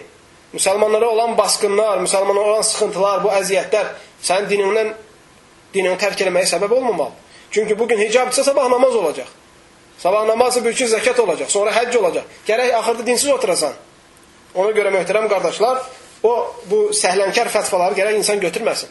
Və səhlənkar səhlənkarlıq üzrə fətva verən insanları da tanısın ki, hətta aldanmasın. Və həmçinin eşidirik ki, bəziləri fətva verir ki, deyir ki, müsəlmanlara problem yoxdur ki, qeyri-müsəlmanlara e, içki, e, yəni ki, araq, çaxır satsın. Elə problem yoxdur. Müsəlman qeyri-müsəlmana sərxoş edici içki sata bilər. Nə bəhanəsi ilə? Zərurət və hacət bəhanəsinə görə. Elə zərurətdir. Pul qazanmaq çətindir. Və yaxud buna ehtiyac var. Möhtərəm qardaşlar, bunların heç bir dəlil deyil. Bunların heç biri dəlil deyil. Bu, fət, bu cür fətva sahibləri səhlənkar hesab olunur. və həmçinin bugünkü müasir fətvalardan eşidirik ki, təəssüflər olsun, hansı ki, bunlardan önce cahillər gülməyə başlayıb, qadının kişilərə imam olması. İcazə verirlər ki, deyir, qadın kişilərə imam ola bilər. Nədir, nədir? Quran kərimdə deyir, dəlil yoxdur. O, o birisi gəlir, deyir ki, içki, içki e, əstəğfurullah, sigaret çəkmək olar, kimlər almağa qadirsə, deyir, nə, nəyə görə? Deyir, Quranda dəlil yoxdur. Bunların hamısı möhtərəm qardaşlar, bu fətva sahiblərinin cahilliyinə dəlildir. Əgər bu fətva sahibləri Quran-ı kərimdən yaxşı xəbərləri olsaydı, bu cür düşük fətvaları verməzlərdi.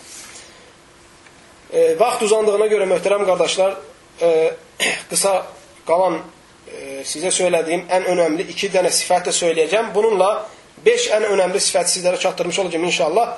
Və bununla da inşallah siz Allahın izni ilə ümid edirəm ki, mən və siz və bütün bu dərsi eşidən müsəlmanlar elm əhlinin kim olub olmadığını bununla ayrı edə biləcəklər.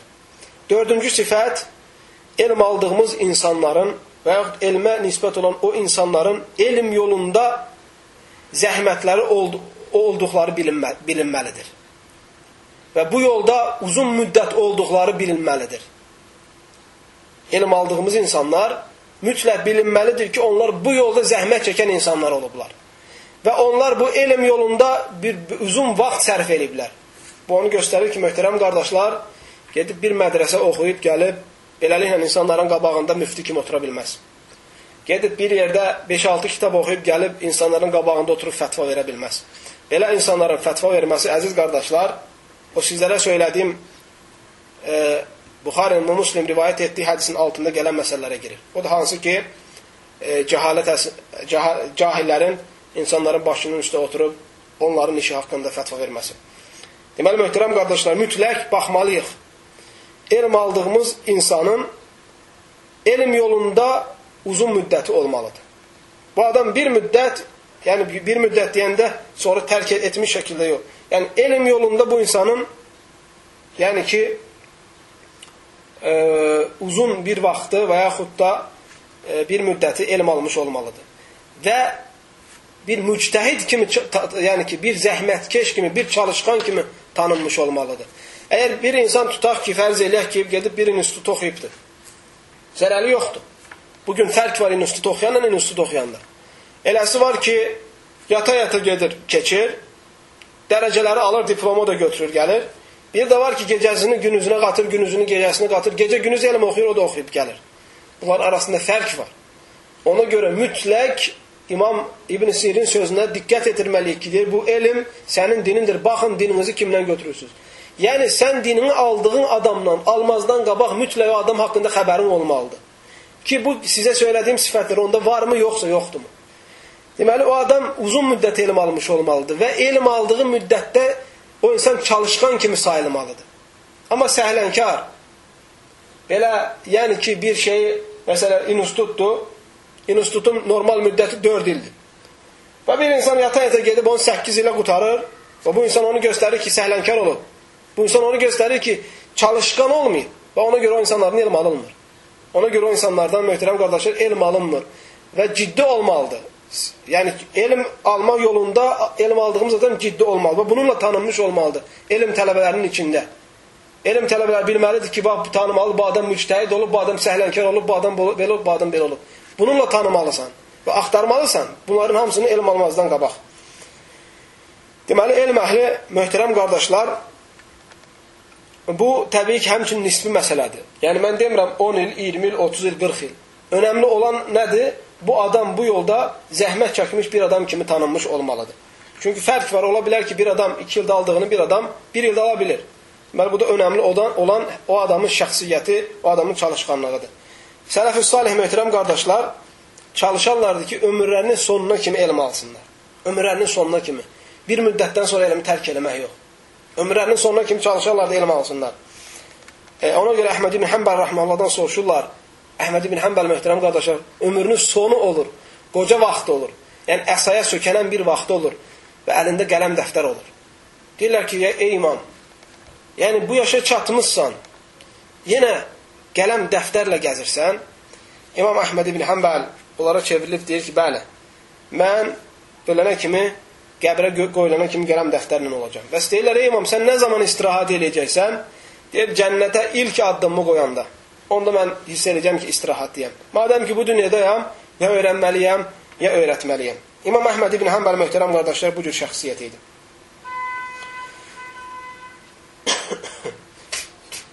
Və bugünkü günün əziz qardaşlarım, ən böyük bəlalarından biri də odur ki, bu elm yolunda tanınmamış insanların peyda olması və elm uğrunda zəhmət çəkən kimi tanınmayanların oturub minbərlərdə fətva verməsi və insanların qabağına dəvətçi və elm əhli kimi çıxıb qələmə çıxması və bu bu cür insanların qarşısında qələmə verilməsi. Bu bu əsrin və keçmiş əsrlərin ən böyük xəstəliklərindəndir möhtərəm qardaşlar. İmam Malik rəhməhullah deyir ki, Mədinənin 70 dənə alimi mənə izin vermə, vermədikcə mən nə dərs verməyə başlamadım, nə də fətva verməyə. 70 dənə Mədinədəki alimlər ona izin vermədikcə İmam Malik nə dərs verməyə başlamayıb, nə də e, nə də fətva verməyə. Amma bu gün bu gün hər kəs özü üçün şeyx olub. Müftü olub. Və bir-iki kitab oxuyacaq, insanlara çıx meydan oxuyacaq sonra da. Möhtərəm qardaşlar, bu bunu bir xəstəlik kimi, bunu bir pis amil kimi və bunu bir qorxulu və təhlükəli bir iş kimi hər kəs bunu nəzərə almalıdır. Və böyüklər ola-ola kiçiklərdən elm almaq əsrin möhtərəm qardaşlar fitnələrindəndir. Zərəli yoxdur. Əgər bir toplumda, bir ölkədə, bir cəmiyyətdə tanınmış böyük alimlər olmazsa, ən azından ehtimal var ki, orada elm tələbələri olsun. Aslar ki, o alimlərdən istifadə eləyib. Belə hallarda möhtərəm qardaşlar, o elm tələbələrinin istifadə etmək elm, elm əhlinin arasında məqbul olunan işlərdən hesab olunur. Qəbul olunur. Lakin bunun da şərtləri var. Əgər bir cəmiyyətdə alimlər yoxdursa, elm tələbələridirsə, onlardan istifadə etmək olar. Lakin şərtlərlə. Şərtlərin birincisi nədir? Bu elm tələbəsi elm tələbəsi kimi davranılmalıdır. Bu elm tələbəsinə qarşı elm tələbəsi kimi davranılmalıdır. Böyük alimlər kimi yox. Buna diqqət yetirin möhtərəm qardaşlar. Əgər bu elm tələbəsi, balaca elm tələbəsi böyük alimlər kimi qələmə verilərsə, böyük alimlər kimi davranılarsa, onda o zaman ortada zülm olmuş olar. Ha möhtərəm qardaşlar. Bunu necə bilə bilərik? Biz onları onları yer, öz mənzillərinə qoymamaqla hansı ki onların sözünü böyük alimlərin sözünü qabağına qoysaq. Və bu faktdır. Bugün görürük ki, yəni balaca elm tələbəsi var, bir neçə il təhsili var, gəlir bir məsələdə öz rəyini deyir və bunu bu rəyini iləri sürür. Və bu məsələdə böyük elm əhlinin fətvalarını atır qırağa. Baxırsan ki, onun ətrafında yığılan insanlarda o alimlərin sözünü elə o atdığı kimi bildikləri halı götürüb atırlar, illa da bu balaca elm tələbəsinin sözünün doğru olduğunu deyirlər. Və əgər bu cür olarsa, onda insafsızlıq olar, möhtərəm qardaşlar. Belə bu cür olarsa, onda elm almaq o adamdan haram olar. Çünki sənə elm əhli icazə verir elm almağa bir şərtlə ki, onu alim, böyük alimlərin mənzilinə qoymamalısan. Onu öz mənzilinə qoymalısan. Bunu nə ilə bilirsən? Onun sözlərini alimlərin sözləri ilə müqayisədə. Bunu o zaman yerinə yetirmiş ola bilirsən. Deməli, baxmaq lazımdır. Əgər bir fətva verirsə, böyük alimlərin fətvasına zid, onda o zaman o fətva ondan qəbul olunmamalıdır. Mütləq elm əhlinin, böyük alimlərin fətvası qəbul olunmalıdır. Və həmçinin möhtərəm qardaşlar, bu elm tələbəsi alimlərin, yəni bu elm tələbəsinin alimlərin ədəbindən pay olmalıdır. Mütləq, alimlərin ədəbi ilə ədəblənmiş olmalıdır. Səfihdən elm alınmaz. Əgər gedib bir kil oxuyubsa, özünü kiməsə nisbət eləyibsə, bir institut, universitet qutarıb gəlibsə, bununla kifayət elə, olunmur. O insan ədəb ərkan sahibi olmalıdır. Onda alim olmasa da alimlərin ədəbi, əxlaqı tərbiyəsi olmalıdır. Mütləq və mütləq. Əgər bir insan e, fasıq olarsa, oxuyub gəlib, sonra da fasiqliyə başlayıb, böyük günahlar sahibidir, davam edir. O, o, insana, o insan tərk olunmalıdır. Hətta, hətta başqaları qürurlanmasın deyə. Hətta onun özü qürurlanmasın deyə. Və yaxud da məsələ əgər bir insan e, necə lazımdır onun onun üzərinə düşən şeylər məsələ o eləmirsə, eyni zamanda o alimlərin ədəbi ilə ədəblənmiş olmur. Onlardan ən böyük məsələ məsələ dil məsələsi. Gərək alimlər kimi dilini qorusun. Ona lazım olmayan şey danışmasın. Və başı girməyən yerə necə ki deyirlər bədəninə soxmasın. Və eyni zamanda insanların özünə istədiyini ətrafındakı bütün insanlara istəsin. Və daima insanların xeyrində xeyir, şərində şər. Daima insanlarla dərdini paylaşmağa çalışsın. Şəxsi mənfəətini güd güdməsin. Və İslamı öz şəxs şəxs şəxsi mənfəətinə çatmaq üçün körpələməsin. Bununla olur. Bunları tərk eləməklə olur o insan. Onunla ədəblənmiş olur alimlərin ədəbləri ilə. Və bayaq keçdiyi, hansı ki sizlərə söylədim, o sifətdən də onların pay olmalı. Və həmçinin bu elm tələbəsinin aramızda varsa, mütləq şərtlərindən biri nədir? O elm tələbəsi davam, davam etmiş olmalıdır elmi. Bu demək deyil ki, bir insan institutu oxudu, gəldi, vəsiyo. Bir insan universiteti oxudu, gəldi, vəssalam. Kifayətlənməlidir, başqa kitabları, dəftəri açmamalıdır. Bu insana qurur gətirməməlidir. Xeyr. Elm tələbəsi daima oxumalıdır. İstər universitet olsun, istər universitet olmasın. İstərsən müəllim qarşısında olsun, istərsən müəllim qarşısında olmasın. Elm tələbəsi belə olmalıdır. Daima daima elm almağa imkan daxilində vaxt tapdığı zaman necə ki rızqısını axtarır, eləcə də e, elm tələb etmək üçün vaxt axtarmalıdır. Və taxtı, tapdığı zaman bu vaxtı nə etməlidir? Onu tələb eləməlidir. Və bu, bu gün çox təəssüflər olsun ki, baxırsan bir insan minbərə mindisə, bir e, yəni ki, fətva kürsüsünə oturursa və salam. Qürurlanır oturub elm oxumağa və ya təkəbbürlənir.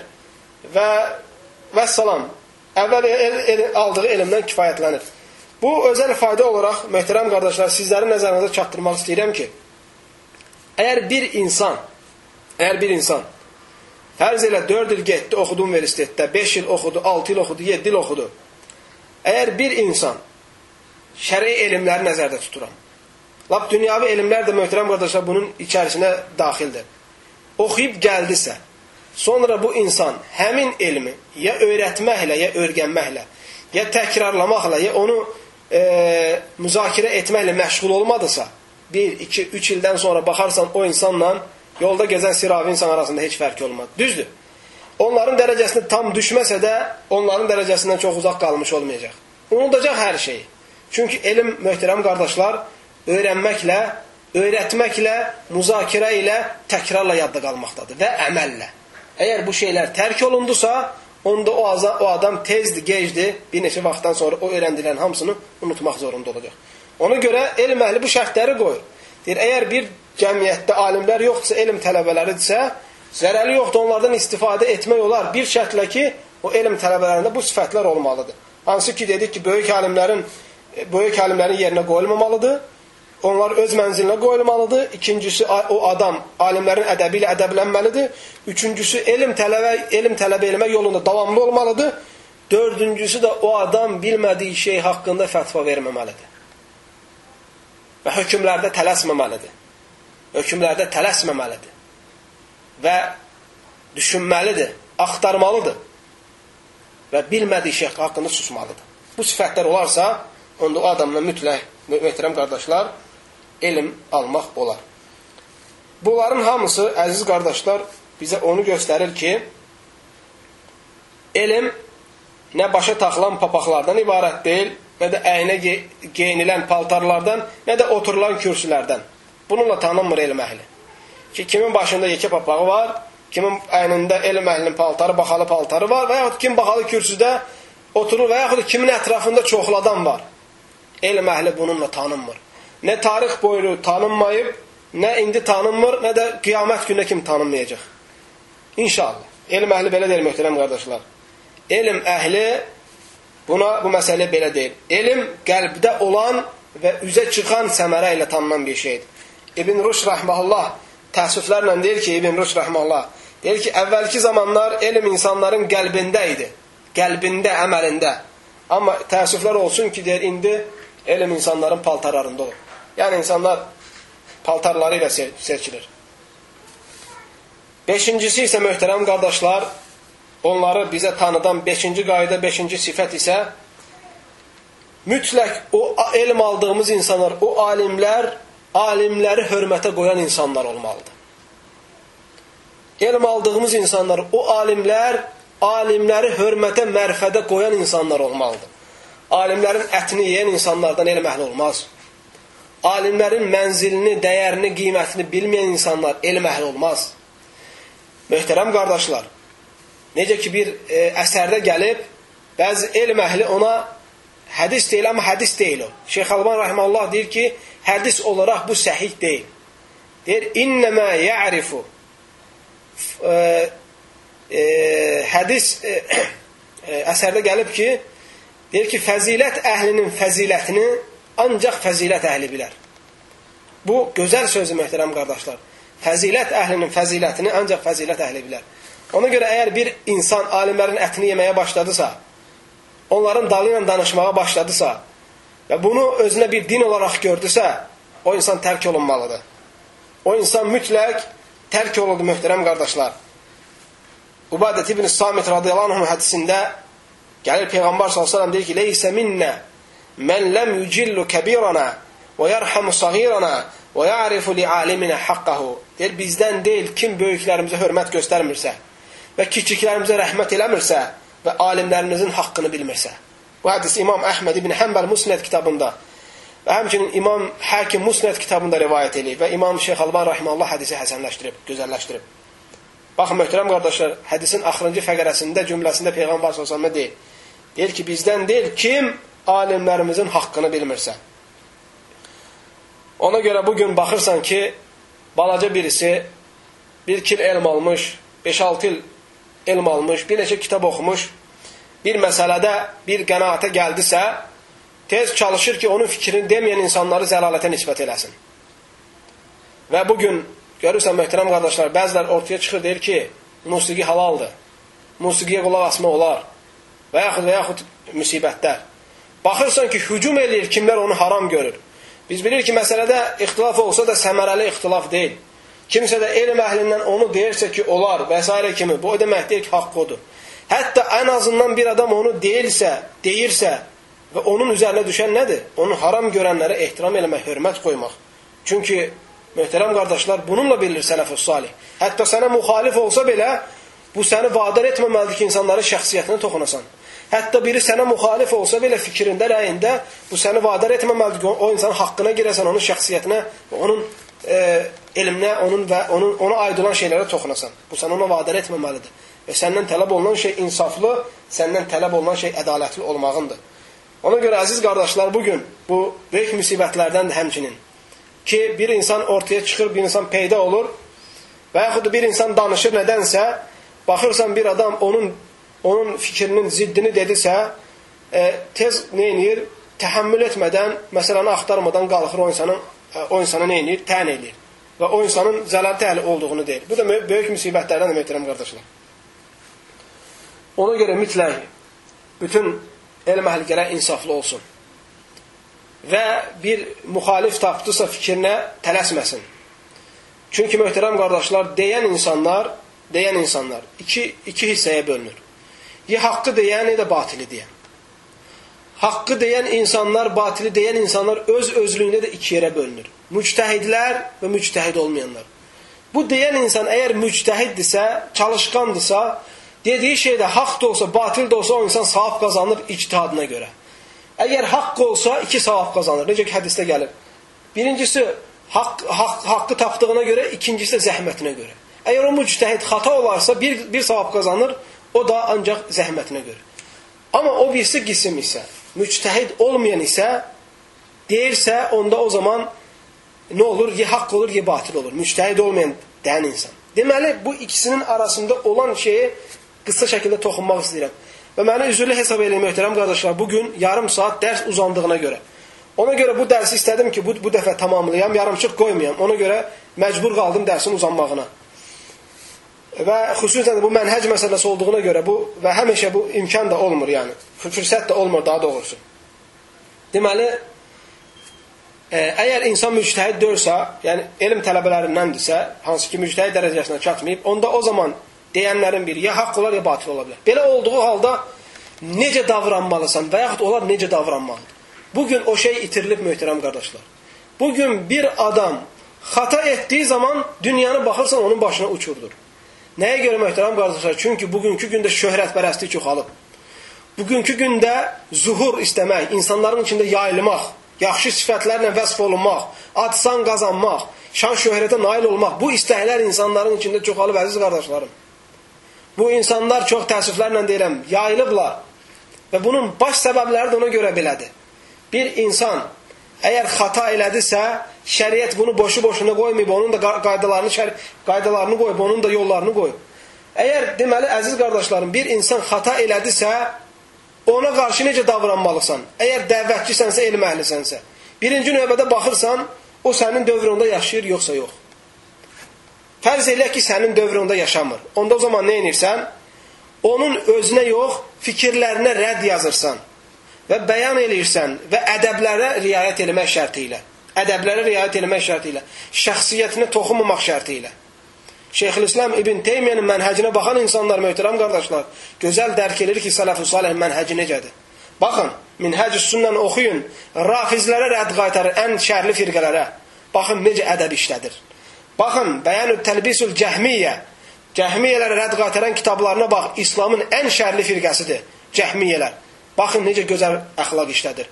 Mu'təzilələrə rədd qaytarır, baxın, necə gözəl ədəb ərkəni işlədir. Eləcə də müasir alimlərimiz, Şeyx İbn Ötheymin, Şeyx İbn Bəz, Şeyx Albani, Şeyx Foqi, başqaları, baxın başqa firqələrə, bugünkü hizbilərə, bugünkü təkfirçilərə, bugünkü İxvan-ı Müslimin cəmaatına, təbliğ cəmaatına baxın, onlara olan üslublarında necə gözəl əxlaq işlədirlər. Sərtlik və ad qoşmaq, lağlağa eləmək, pis peçatlar qoymaq, bunların heç biri nəticəyə gətirib çıxartmır. Bunlar hamısı ixtilafa və insanların arasında kinin, kifrin çoxalmasına gətirib çıxardır. Ona görə möhtərəm qardaşlar, bu məsələyə mütləq diqqət yetirmək lazımdır. Deməli, əgər insan ölübsə, sən onun fikirlərinə rədd qaytarırsan sadəcə. Bu fikir və bu fikir ancaq düz deyilsə, kitabla, sünnətlə və elm əhli sözlərlə həmən məsələ rədd qaytarırsan. Əgər xəta eləyən insan sənin dövründədirsə, müasir insandırsa, sən yaşa yaşadığın dövrdədirsə, onda da üslublar var. O üslubların birincisi, sən həmin insanla gedib görüşməyin və həmən insanın xatasını özünə bəyan etməyin. Çünki bəlkə sən xatasan. Bəlkə sənin fikrinə görə, bəlkə həmin məsələdə sənin fikrin doğru deyil. Bu məsələ ortaya dialoqla çıxır, axtarışla və mübahisə ilə ortaya çıxır. Deməli, ilk addım nədir? Gedib həmən adamla oturmalısan. Və həmin adamı, hansı ki, sən o fikri ilə razılaşmırsan, ortaya qoymalısan ki, sən bu məsələdə doğru deyilsən. Doğru olan budur, budur, budur. Və bunun da da üslublar var. Cəmaatın içində deyil. Minbərdə deyil. Toplantıların içində deyil. Onunla sənin aranda olmalıdır bu söhbət. Əgər bu üslubla əmələ gəlməsə, təbii ki, gözəl əxlaq və hikmət işlədəndən sonra təkrar bir də yoxlaq ilə. Əgər yenə olmasa, onda o zaman onun fikirlərini götürüb, onun fikirlərini şəxsiyyətinə toxunmadan yenə rədd qaytara bilərsən. Yaxşı. İkinci uslub. Əgər sən rədd qaytaran, qaytarmaq istədiyin adam sənin səviyyəndə olarsa, onda o zaman necə olur? Zərəli yoxdur. Həmin uslubu işlədə bilərsən. Amma fayda verməyəndə hökm verməyə tələsmə. Onda o zaman sizdən böyük səviyyəli adamın yanına getməlisiniz. Mütləq onun yanında oturub həmin məsələyi ərz eləyirsiniz, hansı ki dinlə, dinlə elminə güvənir, iki tərəf də razılıq verir, gedib onun yanında oturulur və o, tərəf, o, o, o məsələnin çözümü tapılır. Allah Teala buyurur möhtərəm qardaşlar: "Fə in tənaza'tum fi şey'in farudduhu ila Allah və Rasul in kuntum tu'minun billahi vel yevmil ahir. Zalika hayrun və ahsanu ta'wila." Bir şeydə ixtilaf etdiyiniz zaman onu Allahın kitabına və peyğəmbər səlləmin sünnətinə qaytarın, əgər Allaha və axirət gününə inanırsınızsa. İbn Qayyim rahmeullah bu bu ayəti gətirəndə deyir ki, Allah Teala şərt qoyur. Yəni bir insan iman etmiş olmaz ta ixtilaflı məsələləri Allahın kitabına və peyğəmbər sallallahu hədislərinə qaytarmadıqca. Amma bugün təəssüflər olsun. Ortamızda və çevrəmizdə nə qədər ixtilaflar var. Nə qədər ortalar, ortamızda ixtilaflar var, gəlin baxaq görək ki, bu ixtilafların hansını çözmək üçün çalışırıq. Hansını çözmək üçün özümüz kitab və sünnətdən danışdığımız halda qaydırıq ki, görəsən bu məsələdə Allahın dini nədir? Heç nə. Ortada da möhtərəm qardaşlar olan şey nədir? Nəfsdir ya da iman zəifliyidir.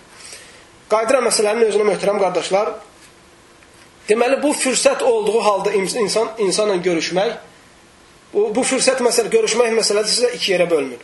Ya həmin adı adamla görüşmək fürsəti, ya da həmin adamla, yəni ki, birbaşa üz-üzə ya da görüş, yəni ki, üz-üzə olmasa da başqa vəsilə ilə.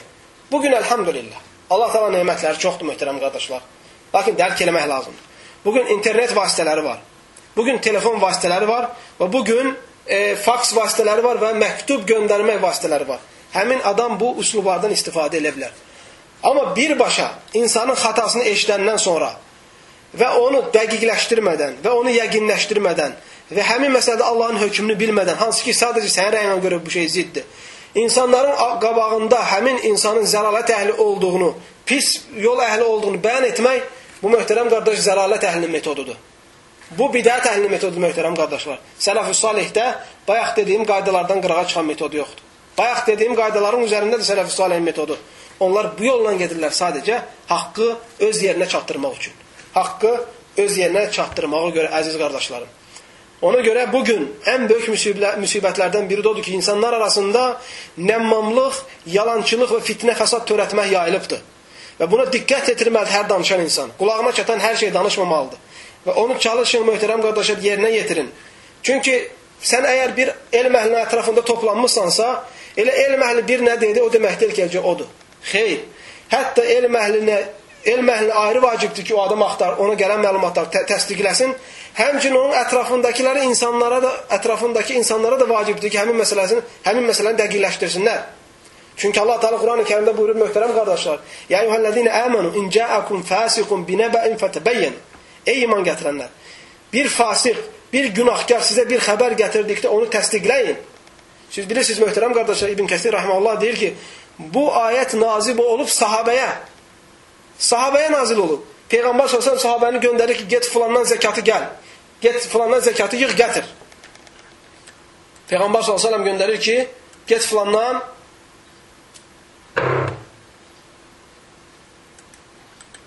Estağfurullah.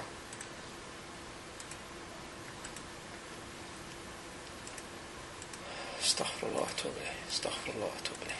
Estağfurullah, tövbe. Estağfurullah. Estağfurullah, الذي لا إله إلا هو الحي القيوم أتوب إليه.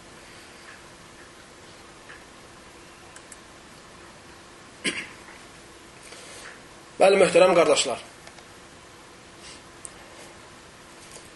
Deməli, elm əhlinin arasında bunların hamısı məşhur olan və bilinən məsələlərdən idi. e, bu İbn Kəsir rəhməhullah deyir ki, bu ayət Peyğəmbər sallallahu sahabəni göndərir ki, get filan yerdən, filan adamdan zəkatı topla gətir. Bu sahabə yarı yolda getdikdən sonra onun yanına çatmadan geri qayıdır. Və deyir ki, ya Rasulallah zəkatı vermədi. Və Peyğəmbər s.ə.v qoşun göndərmək istədiyi zaman ayət nazil olur. Peyğəmbər s.ə.və ayət nazil olur ki, xəbər sənə çatdıqda dəqiqlə, dəqiqləşdir. Və məsələni subuta yetir və sonra qərar verginən. Ona görə möhtərəm qardaşlar, əgər bu şey sahabələrin arasında belə bir şey baş veribsə, Bugün yalancı insanların və nəmmam insanların yayıldığı bir dövrdə bu məsələni daha da çox ehtiyacımız yoxdur ki, geniş şəkildə axtaraq. Daha da bu məsələdə ehtiyac duymuruqmu möhtərəm qardaşlar? Bəli, bugün buna daha da çox ehtiyacımız var. Mütləq, əgər hətta bunu kiminsə haqqında elm əhli nəsə danışırsa, onu eşdən insanlara haramdır onu dəlilsiz qəbul eləmək. Haramdır ki, onun sözünü birbaşa təqlidə görə gö götürsünlər mütləq o danışan insan hansı ki ona rədd etmək zorundadır, filan insanın əgər bidət əhlidirsə, onu bəyan etmək e, dərəcəsinə gəlib çatıbdır, onda o zaman mütləq o insan öz havasından yox, dəlilləri ortaya qoymalıdır. Əgər dəlilsiz və hüccətsiz şəkildə kimisə təyin eləyərsə, onda o zaman o insan təyin etdiyinə görə günah qazanır. Və onun təyin etdiyinə görə o təyin etdiyi şey də qəbul olunmur.